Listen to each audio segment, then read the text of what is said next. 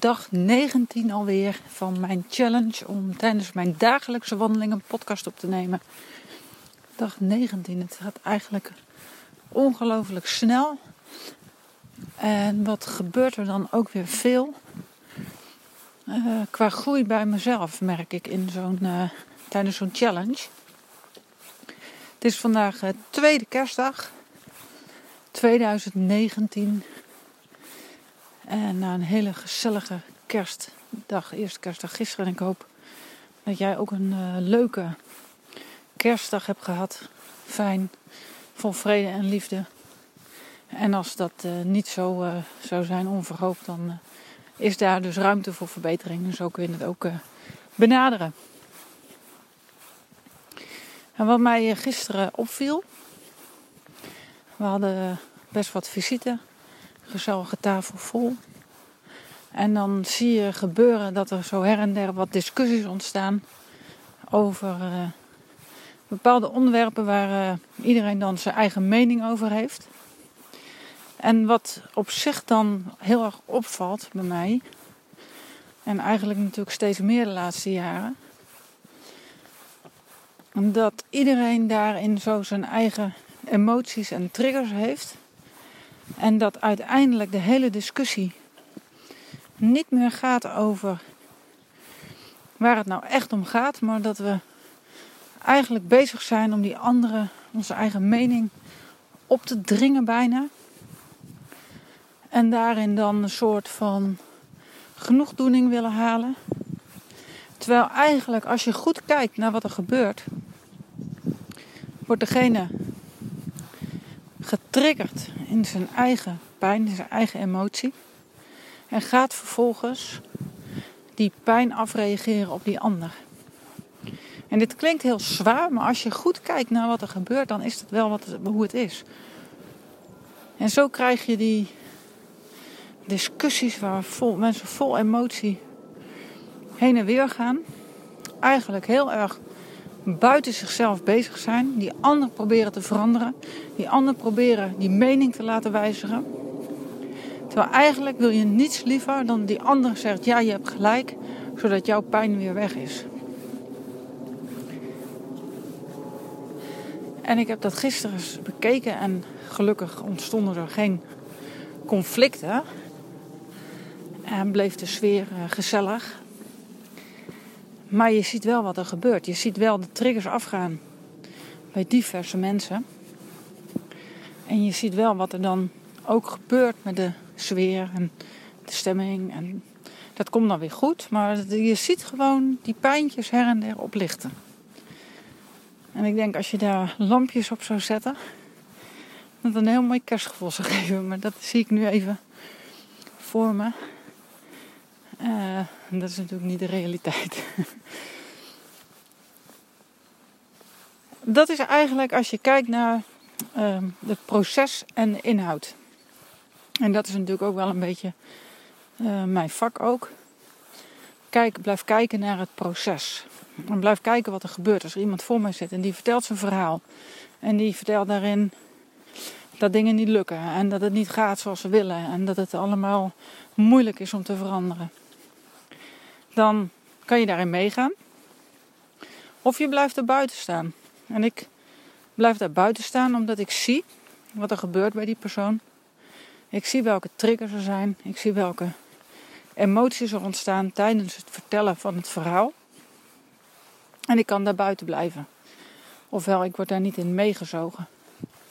En wat ik zelf wel heel erg fijn vond om te merken bij mezelf, is dat ik dat dus gisteren ook niet had. Dat ik eigenlijk zelf geen triggers had die afgingen. Waardoor ik compleet buiten dat hele spel kon blijven. Van het overtuigen, weg willen van de pijn, het vluchten, het vechten. En op welk niveau dat ook plaatsvindt. Ik bedoel, soms dan ontstaan er enorme conflicten en soms dan is het een simpelweg een blik of een je ziet de pijn. Nou, zijn natuurlijk allerlei gradaties in, uh, in te bedenken. Maar hoe mooi zou het zijn, dat vind ik dan ook wel weer een hele mooie kerstgedachte, als we allemaal ons daarvan bewust zijn. Als we allemaal bewust zijn van onze eigen triggers en dat die er nu eenmaal zijn. En daar kun je wat mee doen. Ik ben al een heel hoop triggers kwijt uh, door middel van die hypnose en ook zelfhypnose. Maar tuurlijk sluit ik niet uit dat er af en toe weer een nieuwe kan zijn.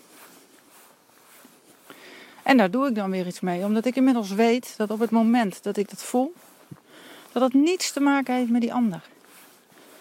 En dat dat pijn is die in mij zit en dat ik de enige ben die dat kan oplossen. Zodat de volgende keer ja, die trigger niet meer af hoeft te gaan. En dat is eigenlijk een heel bevrijdende gedachte, want op het moment dat ik dat zo weet en ervaar en voel, hoef ik het dus niet meer buiten mezelf te zoeken. Ik hoef niet meer te proberen om een ander te veranderen. Om te verwachten en te hopen dat iemand niet iets doet of zegt wat mij een rotgevoel bezorgt. Want het heeft eigenlijk nooit iets met die ander te maken. En zo gaat het ook met de dingen die voor jou belangrijk zijn. Als jij af wilt vallen, of je wilt een ander eetpatroon, omdat je aan alles voelt dat er daar nu tijd voor is en dat het nu belangrijk voor jou is, om wat voor reden dan ook. Voor je gezondheid, meer energie. Het maakt niet uit wat jouw motivatie is. Maar jij voelt het zo en jij zit in een, in een uh, setting, een groep mensen, die dat allemaal maar afkeuren en belachelijk vinden en daar helemaal niets mee hebben. Dan zou het heel goed kunnen zijn dat je je laat demotiveren. Maar die mensen die worden mogelijk wel getriggerd in hun onvermogen om iets te veranderen. En ze zien jou enthousiast zijn over een plan, een doel. En op het moment dat jij dat aangeeft en dat zegt, dan voelen zij mogelijk wel bij hunzelf van, jeetje, ik zou dat ook wel willen, maar ja, ik kan dat niet. En dan gaan ze het maar belachelijk maken. En dat doen ze niet bewust, want ze zullen niet bewust denken van ik kan dat niet. Maar op onbewust niveau gebeurt er iets waardoor ze in de weerstand gaan. En dan is het het allermakkelijkste om maar gewoon te zeggen, doe het maar gewoon. Doe het maar normaal. Want uh, het is allemaal onzin met die voeding en het eten. En het is allemaal niet nodig om een slank lichaam te hebben. En ach, weet je hoeveel mensen er wel niet te zwaar zijn? Dat is heel normaal. Ach, je bent toch uh, op die leeftijd. Dat hoort zo hoor, dat heeft iedereen.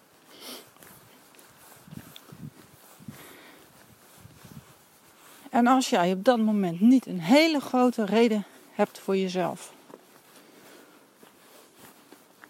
Een hele belangrijke reden waarom je doet wat je doet en waarom je die verandering wil maken. Dan zou je zomaar kunnen zwichten. En gewoon weer door kunnen gaan in dat patroon waarin je zit. Maar dat lichaam waar je op dit moment misschien niet blij mee bent. Waar je misschien ongelukkig door bent. En zo kan het zomaar zijn dat de triggers en de pijnen van een ander ervoor zorgen dat jij niet het leven leidt wat jij wilt. En dat is niet omdat je zwak bent, maar dat is omdat je onbewust zo staat ingesteld dat je gevoelig bent voor die argumenten. Omdat je misschien daar wel jarenlang in hebt gezeten en dat misschien ook wel geloofd hebt dat het zo is. Maar dat je nu heel langzaam begint te voelen, kan ook anders. En hoe jammer is het dan als je je blijft, je laat blijven beïnvloeden door die buitenwereld. En dat is zonde. Want het kan anders. Maar ik zie dus zoals gisteren ook. Ik zie hoe dat ontstaat. En ik zie hoe bepaalde mensen bepaalde ideeën hebben. Waar anderen dan weer overheen gaan met een verhaal van ja, maar dat is allemaal niet waar. Het is allemaal onzin. Niet nodig.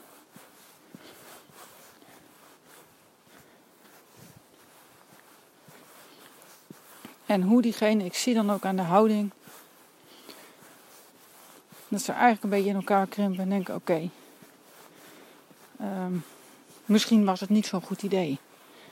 Terwijl het was wel een goed idee. Voor die persoon namelijk wel. Misschien niet voor mij, maar wel voor die persoon.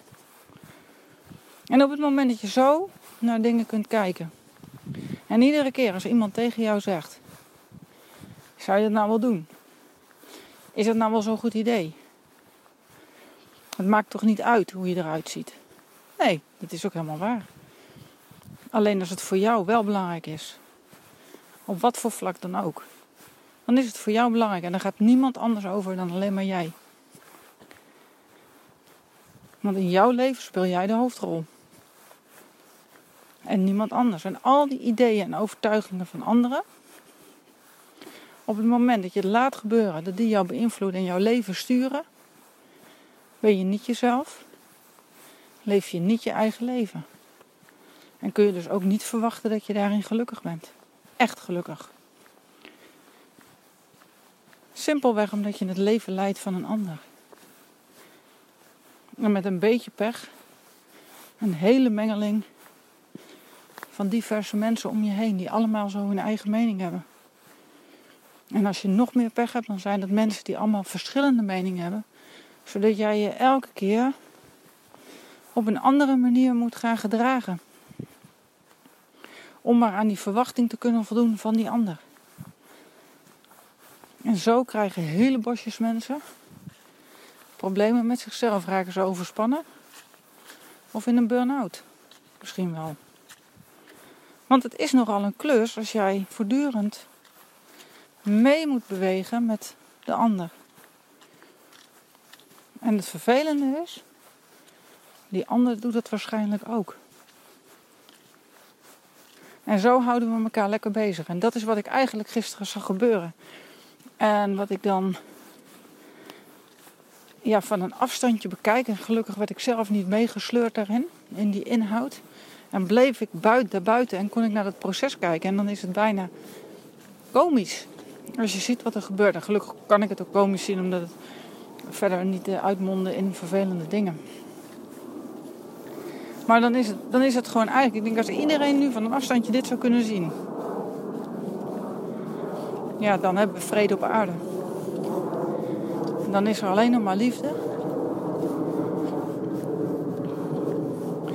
En dan, ja, wat willen we dan nog meer? Dan is iedereen gewoon zichzelf. Dan kan iedereen zijn eigen leven leiden zoals hij of zij dat wil.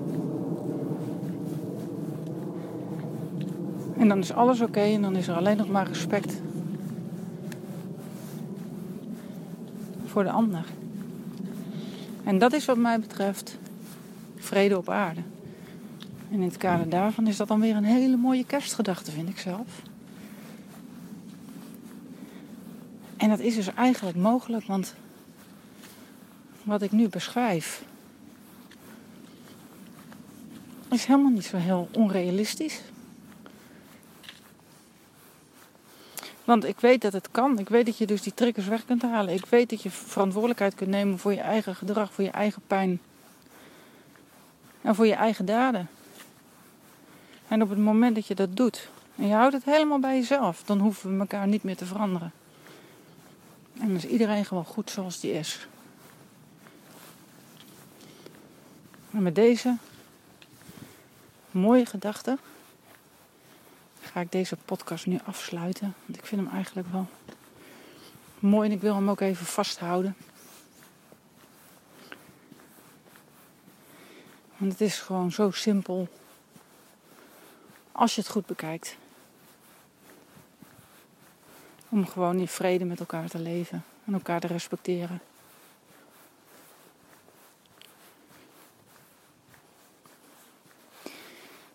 Ik ga je nog een hele fijne tweede kerstdag wensen. In vrede en in liefde. Waar je ook bent, met wie je ook bent. Geniet ervan. Nog een hele fijne dag. En morgen ben ik er weer. Doeg!